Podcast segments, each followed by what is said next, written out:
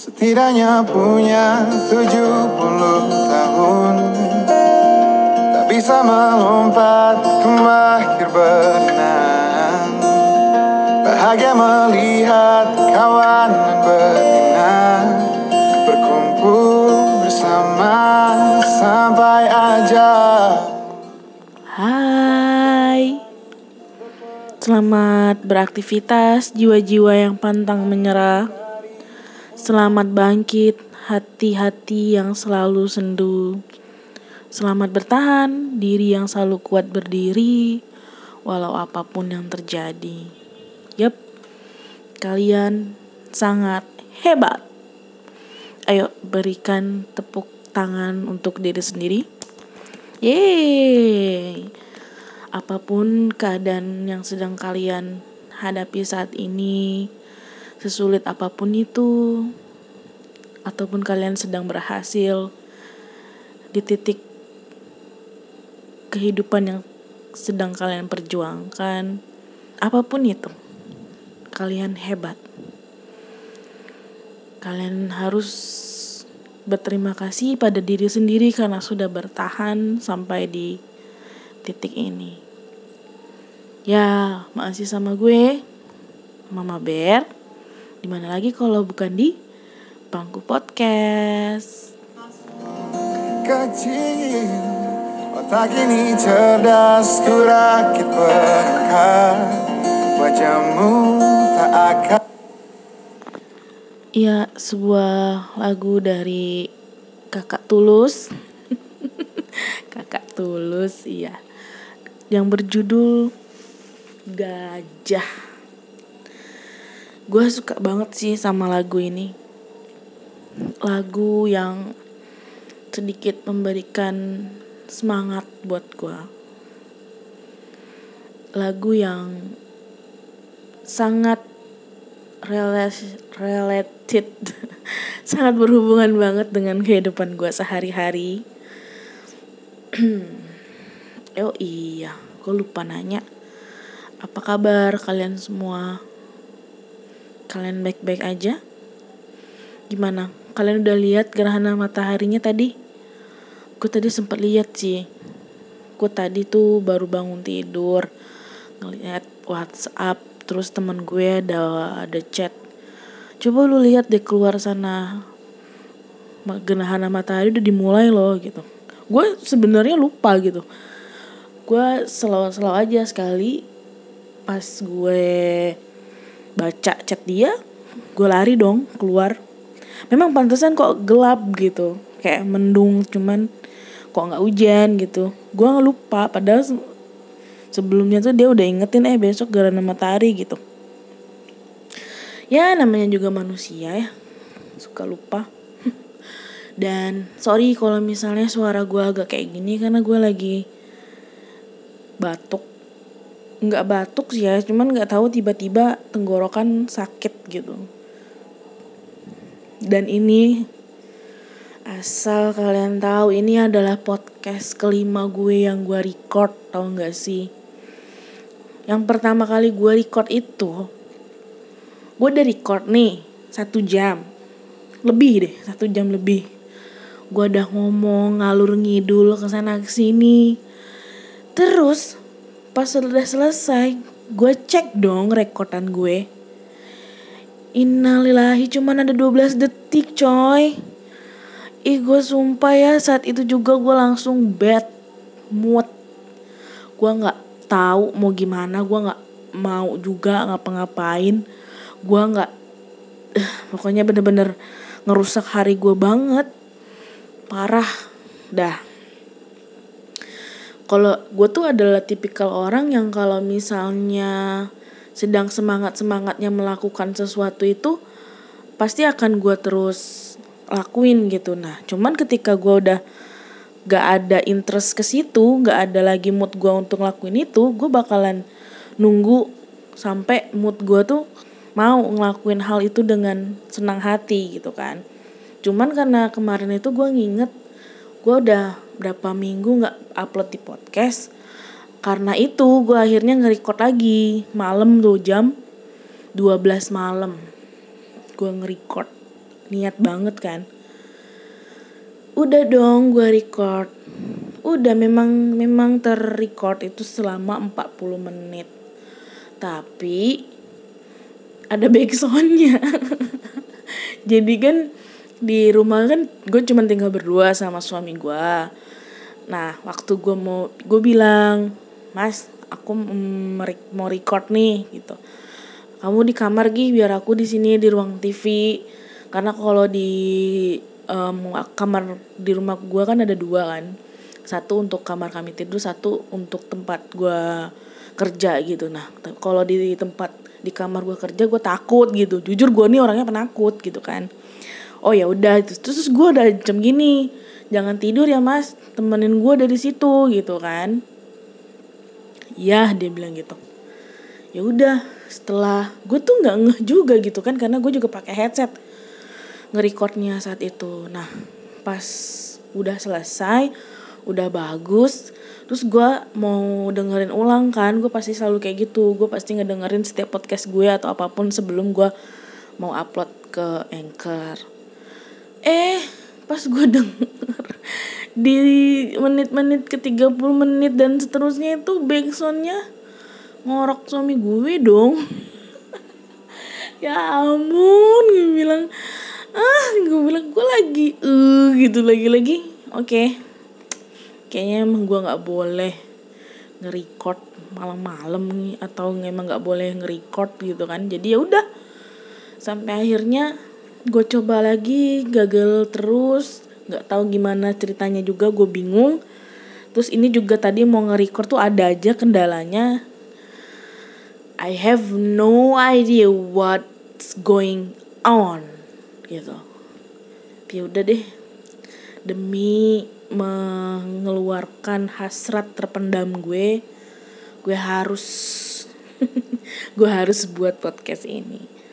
Karena kalau gue itu adalah tipikal orang yang gak bisa memendam sesuatu gitu loh. Contohnya gini misalnya gue nggak lagi nggak suka nih sama teman gue gitu kan. Karena teman gue misalnya suka ngaret atau suka nggak nepatin janji gitu. Awalnya gue pasti memang diem gitu kan. Gue bakalan diemin terus dia. Sampai akhirnya waktu yang tepat dan gue udah nggak bisa mendem gue bakalan langsung ngomong lu ngapa sih? Lu gini gini lu tahu nggak kalau sifat lu tuh buat gue gini gue buat bete gini, gini segala macem gitu. Nah itu gue orangnya yang tipikal belak belakan jadi gak bisa dan tidak terbiasa juga untuk memendam hasrat memendam kata-kata. Jadi ketika gue udah nggak suka sama orang gue langsung to the point. Gue nggak mikirin sih. Yang gue ajak omong atau orang yang gue tegur itu terima atau enggak gitu. Baik dari segi yang positif atau buruk gue tetap akan kasih tahu ke orangnya langsung gitu. Ya ribet sih emang jadi gue. Kadang ada kalau orang yang udah paham gue banget yang udah kenal gue banget dari dulu ya mereka pasti apa uh, selalu aja terima terima aja kan. Cuman kalau ada yang baru tahu tuh mereka kayak apaan sih lu? gitu kan.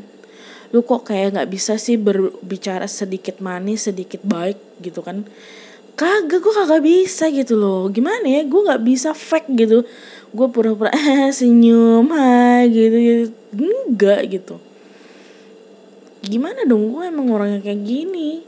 Ya kalau lo suka ya udah kalau enggak ya nggak apa-apa. Ya kan? Ada nggak kalian yang kayak gitu? Oke. Okay. gua lagi duduk ditemani secangkir air putih hangat untuk menemani gue malam ini tanggal 26 Desember jam 9.46 malam kalian yang sedang di jalan on the way pulang hati-hati ya.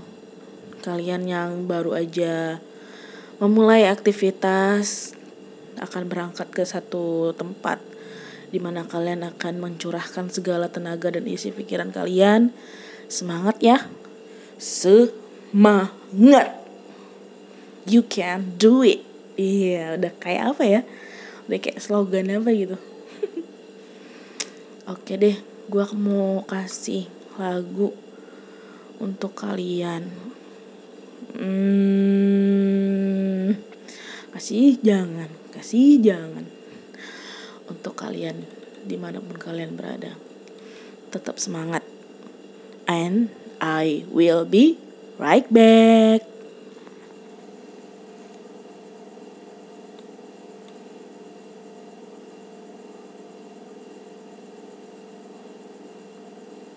Dah. Kagak jadi. Aduh gaya but ya. We'll be right back, we'll be right back an kayak ada sponsor aja gitu ngomongnya. Iya, yeah, tapi nggak apa-apa juga sih ya. Siapa tahu, siapa tahu nih, gak lama lagi ada sponsor yang masuk podcast gue gitu kan ya manusia kan bisanya berharap dan berdoa. Cuman kalau misalnya bisa minta bisa request gitu ya gue pengen banget kalau sponsor gue tuh sponsor makanan gitu. Iya yeah, because I love food so much. Siapa sih ya juga sih siapa sih yang di dunia ini nggak suka makanan? Mungkin ada kali ya yang alergi terhadap makanan tertentu mungkin yang mungkin ada rasa trauma akan makanan tertentu mungkin bisa aja ya. Cuman kalau gue rata-rata makanan yang ada di dunia ini tuh gue suka. Apalagi nasi. Gue suka banget sama nasi sumpah nasi apa pun itu gue suka. Kalau lu gimana? Kalian suka juga kan? Mungkin kalau bagi kalian itu hidup eh sorry makan untuk hidup ya. Tapi kalau gue hidup untuk makan. Ketika orang menganggap makanan adalah kewajiban atau istilahnya kegiatan pokok kegiatan utama bagi manusia untuk menambah stamina dan energi gitu kan. Kalau gue mah kagak. Ya hidup itu untuk dinikmati dari segi makan gitu loh. Makan tuh untuk menikmati hidup juga. Gue dari dulu suka banget yang namanya kuliner kuliner makanan. Kalau di kota gue nih kalau misalnya ada makanan baru atau ada resto baru kafe baru tuh pasti gue bakalan ke sana gitu. Even sama keluarga gue sama temen-temen gue atau sama dulu sama pacar gue gitu kan. Gue suka mencoba hal-hal baru. Bukan hal-hal mencoba makanan-makanan baru. Ya hidup makan. Mungkin karena itu juga kali ya. Karena slogan hidup gue yang udah tersesat di mana hidup itu untuk makan itu juga yang ngebuat um, mengapa nama Mama Bear ini tercipta gitu. Kenapa sampai akhirnya teman-teman gue itu menjuluki gue dengan Mama Bear atau Kanjeng Mami gitu kan? Ya karena dalam otak dan pikiran gue tuh kan selalu makanan-makanan dan memang sebanding dengan apa yang gue dapetin gitu loh. Gue ini mempunyai badan yang plus size gitu dan sudah gue jalani dan sudah sudah gue terima itu sejak gue masih kecil gitu loh. Di podcast sebelumnya kan gue pernah cerita ya kalau misalnya gue dulu gue di um, urus sama nenek sama mbah gue nah pastilah ya seorang nenek setiap nenek di dunia ini pasti pintar banget masak dan masakannya tuh pasti terkenal enaknya gitu di kalangan cucu dan anak-anaknya. Nah nenek gue itu kalau setiap masak dan kalau misal kita gue udah makan kalau dia ngeliat nasi gue sedikit di piring gue itu dia bakalan ngomel bakalan marah gitu loh dia tuh bakalan bilang makan tuh yang banyak gitu. Biar kamu kuat biar kamu sehat gitu. Biar kamu cepet besar. Kalau misalnya kamu kuat kalau misalnya beras habis kan bisa dibeli lagi. Tapi kalau misalnya kamu um, sakit-sakitan kurus lemah lesu gitu siapa yang mau ganti itu? Siapa yang mau tanggung jawab gitu istilahnya tuh gitu jadi ya udah karena kebiasaan itu gue nggak bisa tuh sejak saat itu tuh makan nasi sedikit. Pasti mak makan nasi itu banyak. Nah ketika gue juga nginep di rumah bude gue kakaknya nyokap sama mbak gue nih dulu tetep gitu dia tuh pasti bawain bekal gue sendiri. Karena ada beberapa faktor juga gitu kan salah satu faktornya tuh gue nggak bisa makan makanan yang bukan nenek gue masak gitu loh. Itu aneh kan? Menurut lu itu aneh kan? Iya tapi dulu gue memang kayak gitu. Pernah kan saat gue ke rumah bude gue itu gue makan masakannya gitu. Nggak nggak bisa. Langsung muntah lagi.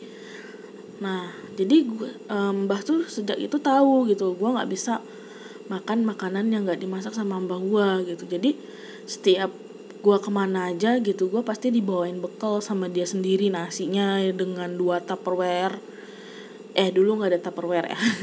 Makanya dua tempat bekal gitu kan. Sampai orang-orang tuh kalau ngeliat nih anak ya Allah gembul banget gitu ya. Tapi padahal bukan gue yang mau. Lagian gue masih kecil ya gue mana tahu lah ya. Gue mah ya ya aja apa yang mbah bawa ya apa yang itu. Dan itu tuh harus habis gitu kan. Nah itu juga kebiasaan gue gitu. Kalau di dulu diurus sama mbah gue tuh nggak boleh makan tuh nyisa. Pasti nanti dia bilangnya jangan kasihan nanti nasinya nangis gitu kan. Mubazir apa segala macam dosa gitu. Jadi gue sebisa mungkin walaupun banyak gue harus makan dan harus habisin apa yang ada di piring gue gitu kan. Itu udah kebiasaan banget. Sampai akhirnya kebawa sampai gue besar sekarang sampai sekarang. Um, sebenarnya kalau dibilang dengan badan yang plus size itu siapa sih yang nggak pernah kena bully gitu loh? Gue hampir tiap hari tiap jam setiap hari pulang sekolah ada aja gue nangis sama mbah gue nggak setiap hari sih gue nangisnya cuman kadang dalam satu minggu tuh pasti gue seringnya nangis gitu kan. Gue cerita gue diecek gue dibilang gajah bengkak lah badak becula tiga lah segala macem gitu kan. Cuman mbak tuh tetap nenangin gue tapi tetap ngasih makannya tetap lebih juga gitu. Dan tetap marah kalau misalnya gue ngasih apa ngambil nasinya tuh sedikit.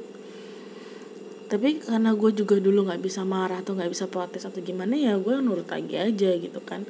Karena mbak gue sering juga belain gue dan ngelabrak anak-anak yang ngejek gue gitu kan.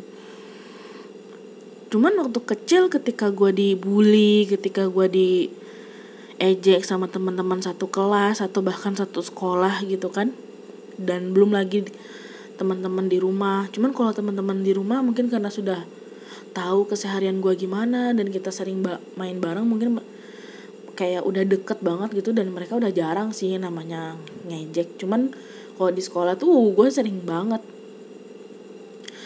sering banget kena bully. Cuman ketika itu waktu gue dulu masih SD dan gue ngadepin hal seperti itu gue masih ngerasa I'm fine gitu. I'm totally fine gitu loh. Emang gue gue nangis sebentar tapi udah itu gue balik lagi gitu dengan diri gue yang ceria dengan diri gue yang periang gitu kan. Dan gak pernah dendam ke orang-orang yang udah apa udah ngajak gue dan ngebully gue gitu kan. Karena itu juga ajaran mbak gue gitu kan gak boleh memendam apa pun.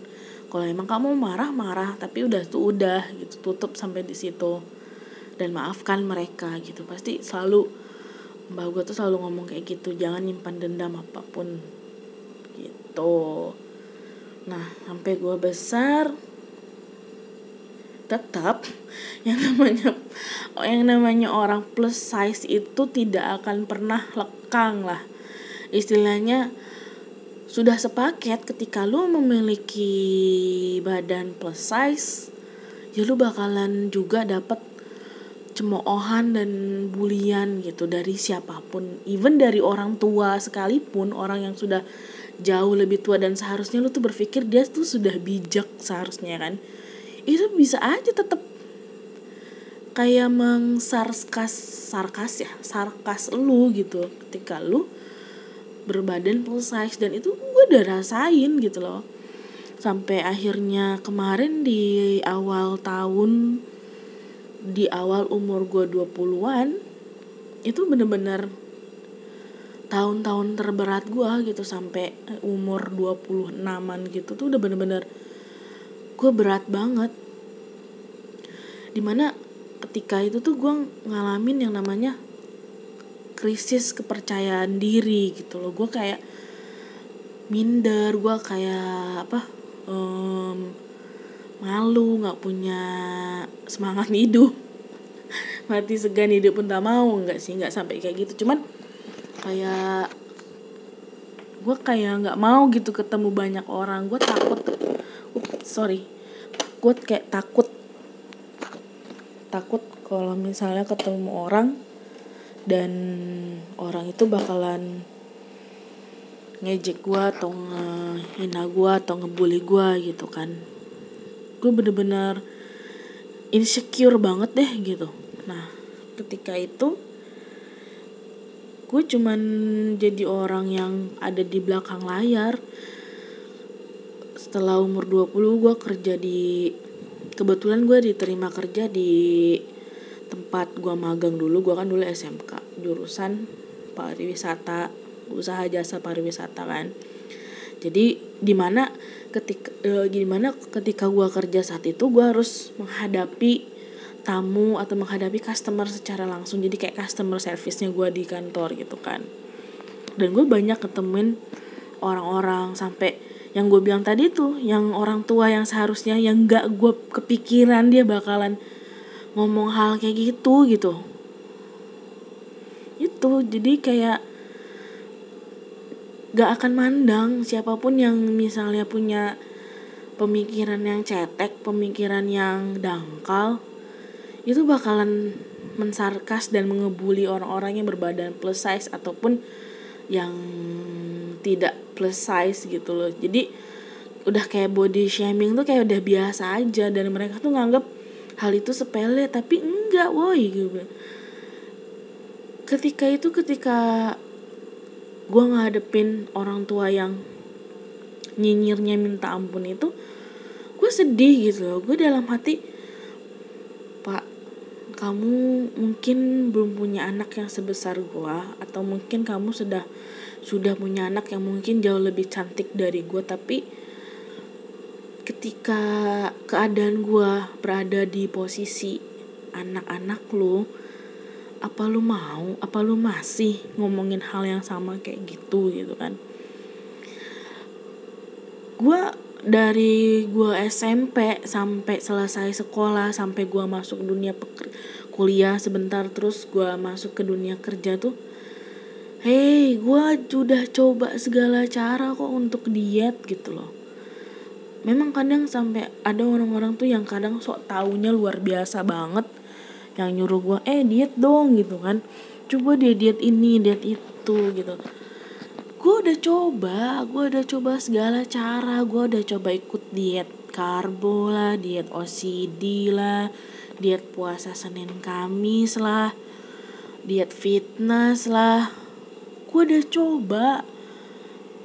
Cuman ketika usaha dan segala effort gue untuk bisa ke tubuh yang orang inginkan bukan gue gitu bukan gue pribadi saat itu gue masih mikir oh gue harus bagus gue harus langsing demi orang gue harus bagus biar orang gak ngehina gue lagi gak ngebully gue lagi gitu kan. Gue bener-bener ngerasa insecure banget sama diri gue sendiri. Udah sampai akhirnya gue stres gitu. Dan saat itu tuh banyak banget jerawat di muka gue yang sampai uh. Oh kalau misalnya lu bisa ngeliat foto gue saat itu merah semua di pipi kiri dan kanan gitu loh saking gue stresnya gitu. Dan gue nggak tahu harus gimana. Saat itu pacar gue yang sekarang jadi suami gue juga cuman bisa nyemangatin atau ngasih ya nggak masalah gitu loh. Kamu udah berusaha kalau memang nggak bisa ya udah gitu nggak apa-apa. Cuman gue kayak ngerasa bener-bener jauh lah gitu bener-bener frustasi sih. Hampir frustasi cuman nggak yang bener-bener sampai depresi sampai gitu nggak sih? Alhamdulillahnya nggak. Sampai akhirnya di tahun 2017 ya iya 2017 ketika itu di umur gue umur 25 eh sorry 26 gue ketemu sama temen teman ini dulu kita deket banget di SMP dari kelas 1 sampai kelas 3 tuh gue deket banget lah sama dia walaupun kita beda kelas. Pasti setelah pas jam istirahat tuh gue pasti mainnya sama dia gitu walaupun sama teman-teman yang lain cuman ada dia gitu kan. Kita tuh udah kayak klop banget. Banyak ceritain hal-hal yang kalau gue pikir itu adalah hal-hal orang dewasa bukan bukan yang ke pornografi. Kalau kalian mikirnya kayak gitu no big no nggak nggak ke situ. Kayak misalnya gue kita tuh mikirin solusi yang hanya dipikirkan oleh orang dewasa dan tidak sepatutnya anak SMP tuh memikirkan hal itu sampai ke situ sedetail itu gitu. Kita juga sering tukar bacaan buku-buku bacaan gitu kan sampai akhirnya sekolah SMP lulus kelulusan SMP dia ke mana gue ke mana gitu kan. Gue ngel ngelanjutin di sekolah SMK kejuruan pariwisata itu dan dia kalau nggak salah keluar kota gitu. Itulah hal terakhir yang gue denger gitu dan gue nggak pernah lagi ketemu sama dia sama sekali bener-bener lost contact. Nah ketika itu tujuh tahun kemudian gue ketemu sama dia itu pun lucu gitu ketemunya. Jadi gue punya temen sebut aja namanya Mulia. Dia ini tetanggaan sama orang tuanya Dian temen gue yang SMP ini kan. Jadi gue tuh nanya lah uh, kita sama-sama satu SMP by the way. Jadi gue ya istilahnya kayak reunian gitu kan terus gue nanya sama dia eh mul mul udah kayak nama laki-laki. Eh Lia gitu. Um, gimana? Lu tau nggak kabarnya Dian sekarang gimana? Dian kata dia gitu. Dia tuh kayak nginget-nginget di mana Dian. Siapa ya? Kata dia. Itu loh Dian yang temen gue dulu deket banget sama gue yang katanya dia pindah ke luar kota gitu kan. Yang tetanggaan lu gitu. Oh Dian iya. Um, kemarin ada kok gue ngeliat dia katanya gitu kan kenapa lu nggak ada kontekan sama dia? Kagak ada. Gue coba cari di Facebook nama dia juga kagak ada loh. Dia pakai nama apaan sih? Biasanya gue kalau nyari temen-temen SD juga kalau nyari kalau kita ingat nama panjangnya kalau gue ketik di Facebook juga ada keluar. Dia kagak ada gue bilang gitu kan. Oh ya udah kebetulan um, suami gue kebetulan mulia udah nikah by the way ada perlu nih sama dia gitu. Kalau lu mau lu ikut gue aja nanti kita ke rumahnya gitu kan. Oh ya udah gitu. Langkah kanan banget gitu kan kebetulan banget gitu. Jadi ketika itu datanglah gue sama Mulia ini ke rumahnya dia. Setelah itu setelah apa? Gue lagi inget-inget juga nih setelah kita udah di depan rumahnya ngucap salam dan segala macem gak lama keluarlah Dian ini. Dengan penampilan yang sama sekali tidak berubah dari terakhir gue ketemu. Muka yang gak berubah yang awet banget dari dulu gitu-gitu aja mukanya yang bener-bener ciri khas dia banget gitu kan. Dan gue tuh kayak wow gitu. Dia baik-baik aja rupanya. Dan lu tahu nggak kita ketemu itu bukan gimana gimana ya. Kayak senyum senyum gak jelas kayak gimana kayak ada rasa canggung gitu di antara kita. Jadi Mulia pun mulai ngobrol sama dia kan dan gue kayak ngecoba menjauh karena ya itu masalah pribadi atau gue nggak nggak perlu tahu gitu kan. Jadi gue nunggu dia di teras mereka ngobrol di ruang tamu. Dan gue tuh kayak what? gitu. Dia cuma negur gue dengan senyum dengan apa gue tuh tadinya udah kayak mau excited banget gitu kan kayak tapi kayak ngeliat dia responnya gitu ya udahlah gitu kan. Nah si nggak lama tuh si mulia keluar. Dan si dia nggak ada sama sekali satu patah kata pun gitu paling eh ada nggak ya? Nggak ada deh kayaknya. Jadi setelah itu yuk um, udah selesai nih dia bilang ayo kita pulang gitu kan kata Mulia oh ya udah gitu terus pas kita mau pulang si Mulia ini bilang eh iya lupa lo minta nomor lo gitu. Gue minta nomor lo dong gitu. Nah ketika dia nyebutin nama gue tuh langsung langsung aja kebetulan gue kan lagi megang HP juga saat itu gue langsung aja ketik nomor dia juga gitu kan. Tanpa tanpa apa pertimbangan apa pun lagi gue langsung nyimpen nomor dia. Ya udah gitu. Dan gue juga yuk Dian pergi dulu ya gitu kan. Dan dia cuma balas senyum gitu gue bilang apa? Gue kadang gue saat itu tuh mikir gitu apa salah gue sama dia ya? Gitu kan.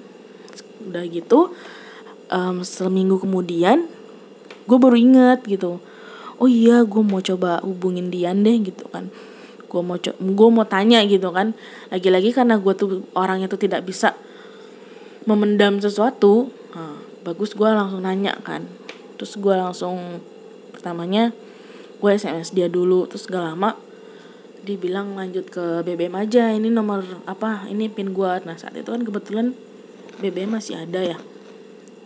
Cuman gue udah nggak make. Jadi gue bilang lu ada WhatsApp gak? Ya ada ya udah. Yaudah kita WhatsAppan. Kayaknya kayaknya ceritanya tuh nggak perlu perlu banget ya tapi bodo amat dah. Pokoknya lu harus dengerin cerita gue jadi ketika gue ada chat-chatan sama dia akhirnya kita janjian lah ketemuan di cafe gitu kan.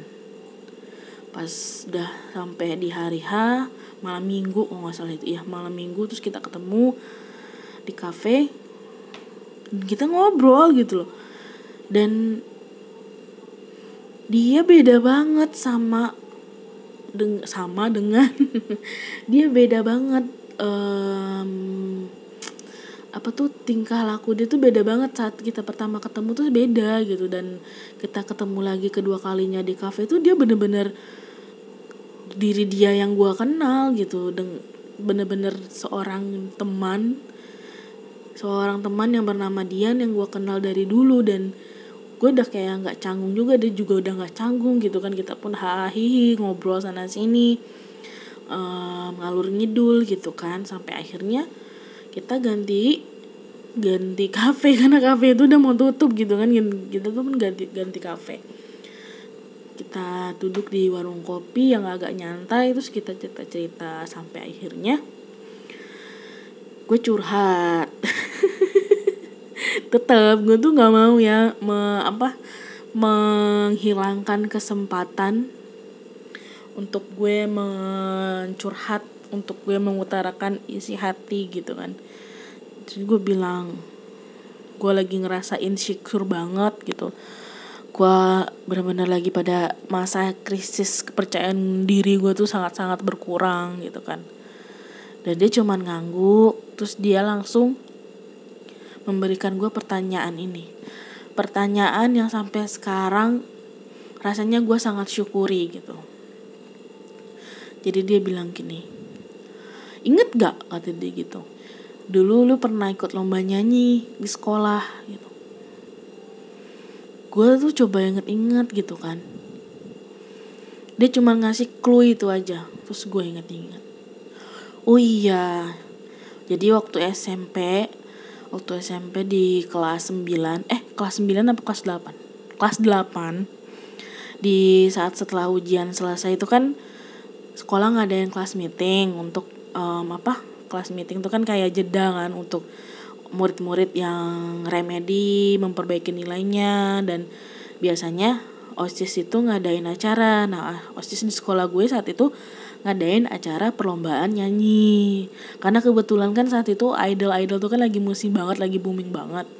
Jadi kayak gitu jadi kayak SMP idol gitu. Nah saat itu gue karena gue tuh hobinya nyanyi bakat gue juga mungkin sedikit ada di nyanyi. Jadi gue ya ikutan gitu dengan beberapa dorongan dari teman-teman deket gue dan dari dia juga gitu. Coba aja lu ikut gitu kan. Menang kalah kan gak masalah yang penting lu udah nyoba gitu. Ya udah gue ikut.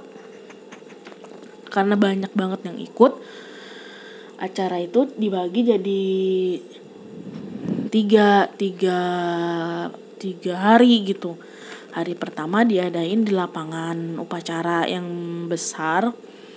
Nah hari kedua karena hujan karena hujan dan dan lain hal osis ngadainnya di ruang kelas di mana ruang kelas itu tuh dua dua ruang kelas yang tengah-tengahnya tuh dikasih pintu kayak ruko gitu tuh gak sih? Kayak bisa kebuka lagi eh bisa dibuka bisa ditutup gitu portable nah kayak gitulah pokoknya. Jadi dipindahin ke situ. Di depan itu dikasih space lah untuk konses kontestan.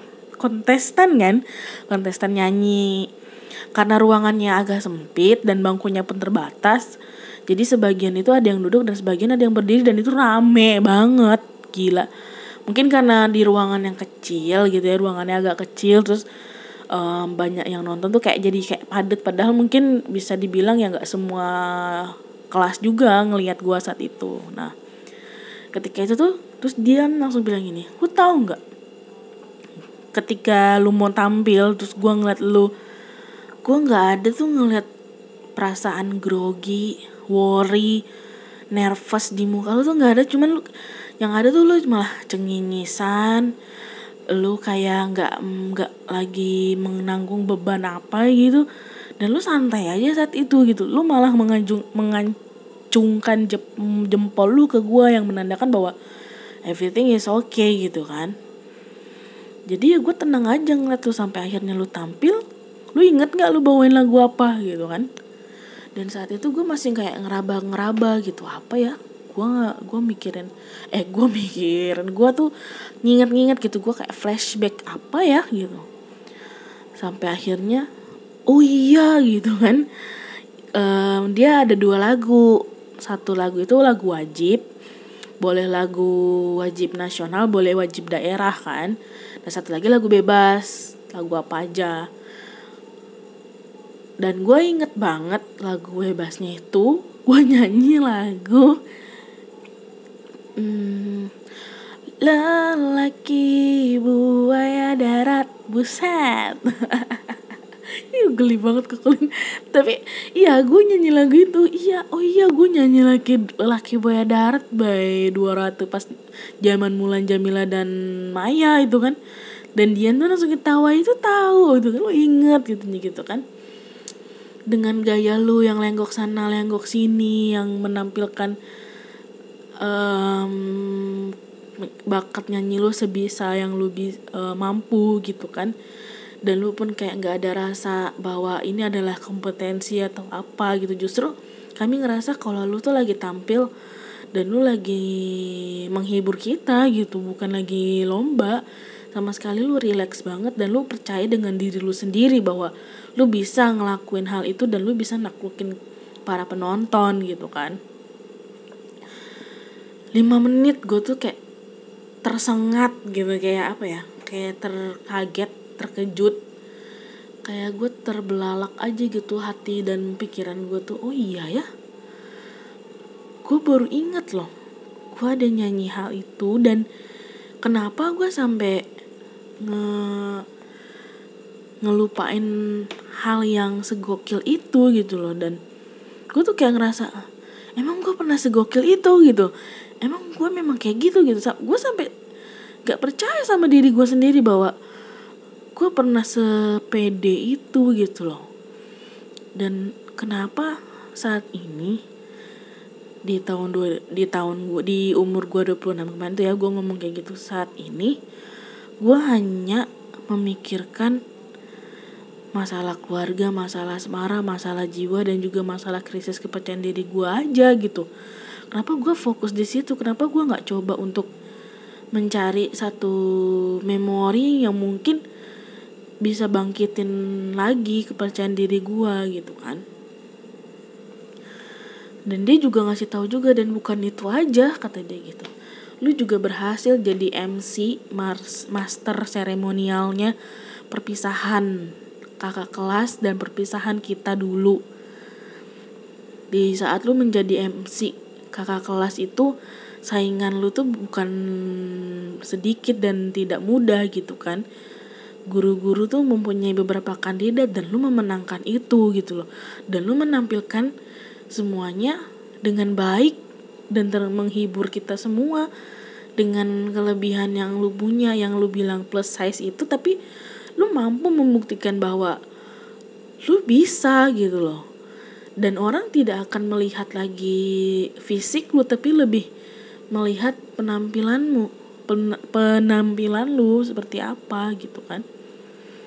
Dan itu yang jadi akhirnya menjadi part yang favor yang gue favoritin banget gitu loh. Yang bener-bener akhirnya ngebuka semua memori yang hampir aja hilang, hampir aja terkikis, hampir aja tertutup gitu. Iya bener, gue kayak ada satu dorongan yang kuat dan bikin gue melek seketika gitu.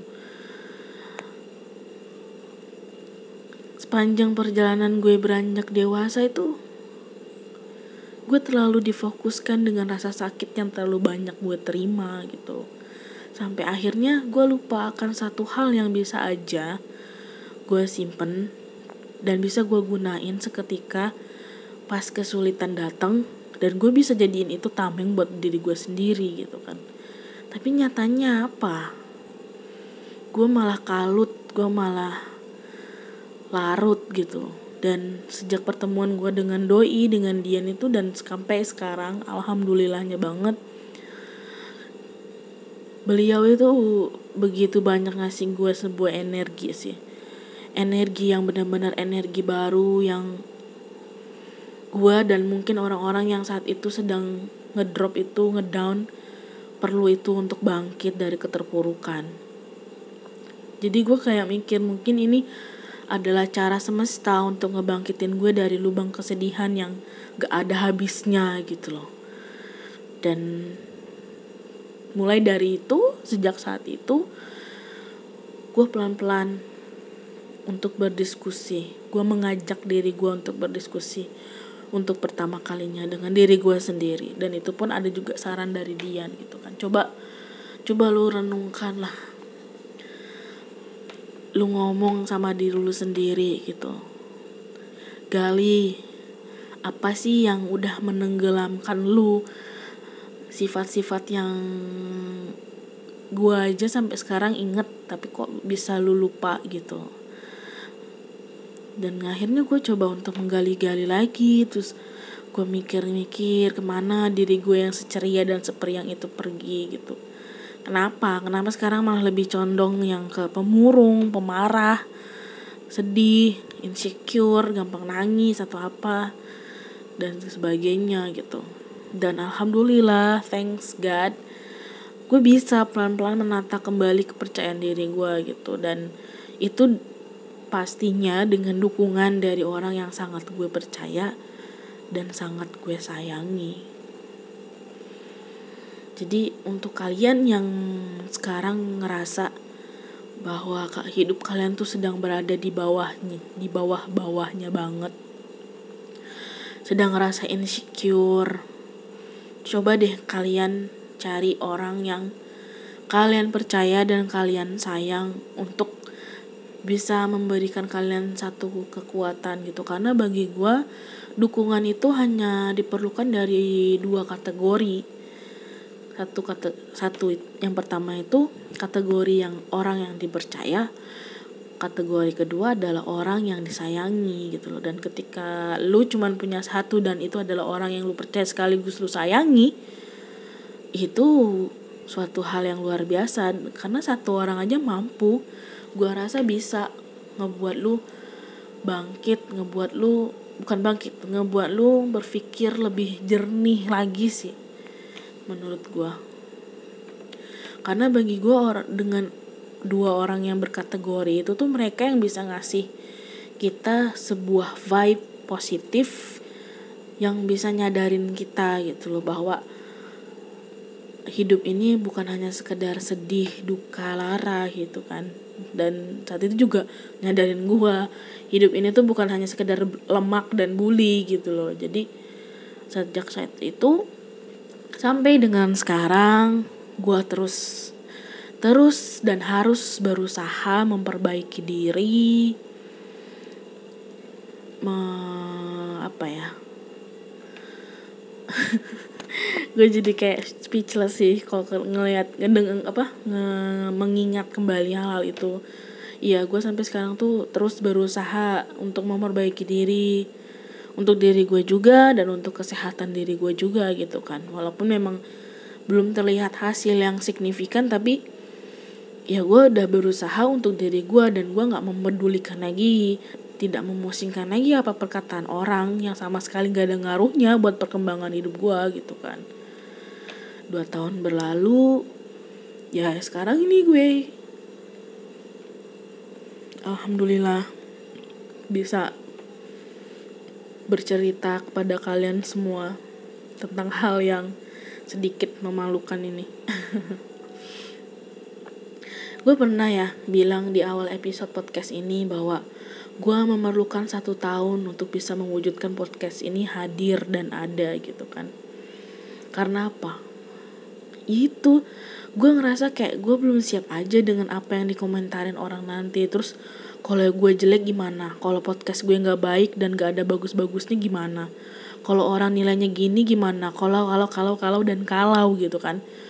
Untuk ada di posisi yang baik dan nyaman ini gue selalu ngomongnya kayak gini tuh gue perlu berperang dan bertarung mati-matian di masa lalu gue gitu.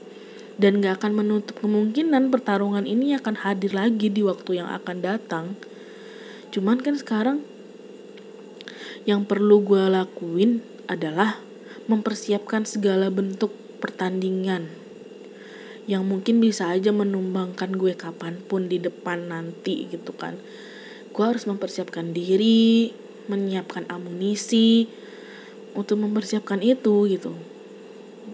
Gue nggak gue nggak bilang diri gue sudah menang gitu. Tidak. Gue hanya berhasil melewati satu lubang satu kubangan yang bisa aja menenggelamkan gue saat itu. Tapi karena orang-orang membantu gue untuk melompat kubangan dan it, lubang itu akhirnya gue berada di posisi ini namun ketika nanti gue berjalan gue nggak cukup bisa meyakinkan diri gue bahwa lubang itu nggak ada lagi enggak jadi bagi kalian yang mungkin merasakan hal yang sama seperti gue merasa kalian tidak sebaik dan sebagus orang lain, cukup. Please. Hidup kalian untuk diri kalian, bukan untuk perbandingan. Cukup bandingkan hidup kalian dengan apa yang kalian anggap dan kalian kira itu baik dan juga bagus. Seperti gue bilang tadi, untuk di posisi yang baik dan nyaman itu pasti ada pertarungan hebat di belakangnya dan kalian gak tahu itu apa orang kan hanya menampilkan yang bagus-bagusnya aja sama seperti kita dan gue gitu kan ketika gue tuh dulu saat ngerasa krisis kepercayaan diri tuh gue ngeliat postingan selebgram artis-artis tuh gue atau temen-temen gue gitu kan ngeposting sebuah um, kehidupan yang baik yang nyaman kayak gak ada masalah apa-apa gitu kan. Gue tuh langsung ngegerutu aja enak banget sih hidup mereka gitu. Kayak nggak ada masalah kayak nggak ada beban kayak nggak ada apa yang harus dipikirin gitu. Padahal yang tidak gue tahu adalah mereka hanya menampilkan yang baik-baiknya saja pada dunia dan pada halayak ramai. Tapi akhirnya contoh contoh nyatanya teman gue aja. Gue ngelihat dia senang dia have fun ke sana ke sini dengan penampilan dia yang baik. Tapi saat entah gimana waktu semesta membuktikan bahwa omongan gue tuh gak 100% benar dia datang ke gue dia curhat dia nangis dan gue kayak ngerasa wow. Saat itu gue ngebandingin hidup gue dengan lu gitu loh.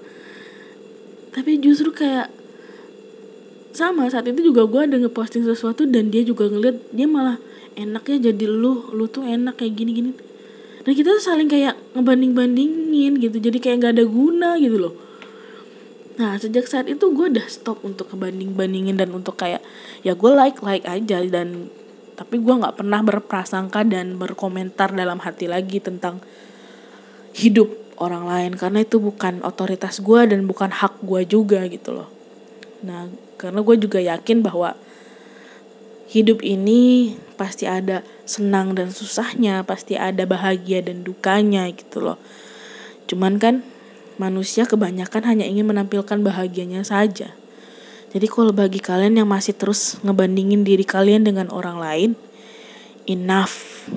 Cukup sayang. Cukup kalian itu terlalu baik, kalian itu terlalu um, terlalu indah untuk melakukan hal-hal yang seperti itu.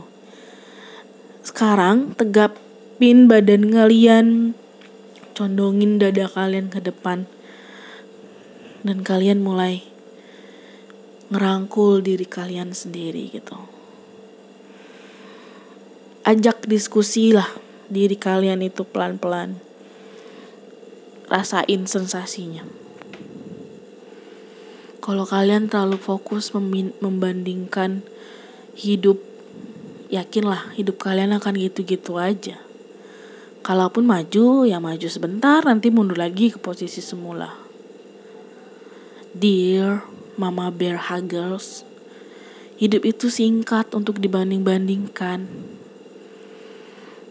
tapi kalau kalian terus berusaha dan menyiapkan segala amunisi untuk terus untuk kalian bisa berperang, akan ada banyak waktu untuk itu.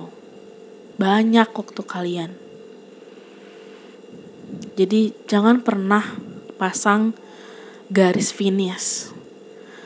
Kalian harus fokus di garis start yang akan kalian mulai bentang di mana. Saat ini atau besok atau lusa tapi please jangan terlalu lama untuk menundanya. Harus segera kalian lakukan. Kenapa gue bilang kalian gak boleh memasang garis finish karena kalau kita pasang garis finish kita akan terus berfokus gitu. Bagaimana kita bisa secepat mungkin untuk bisa ke garis finish itu. Bodoh amat gue mau capek kek mau kaki gue mau sengklak kek. Gue harus bisa cepet sampai ke garis finish itu no matter what. I don't care about anything and I will get to the finish line as soon as possible gitu. Enggak santai aja nikmati aja segala prosesnya. Karena yang mahal itu bukan hasil atau bukan saat lu berada di garis finish tapi yang mahal itu prosesnya. Dan lagi-lagi itu kata teman gue si Dian ini. Iya proses itu yang sebenarnya akan mengajarkan kalian banyak hal. Hal nah has eh iya apa, apa sih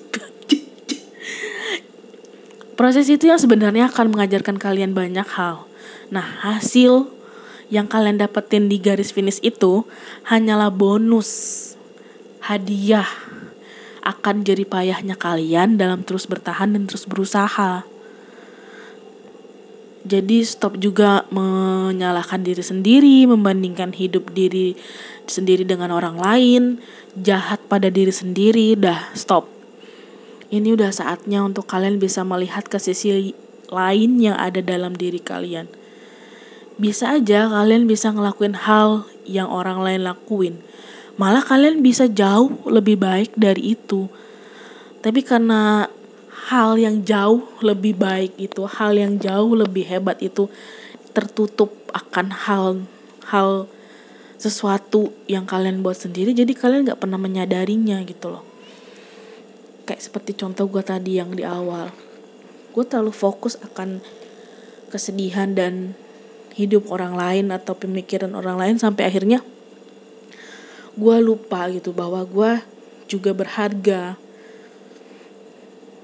Gue juga bisa menjadi orang yang ya setidaknya berguna lah untuk diri gue sendiri gitu.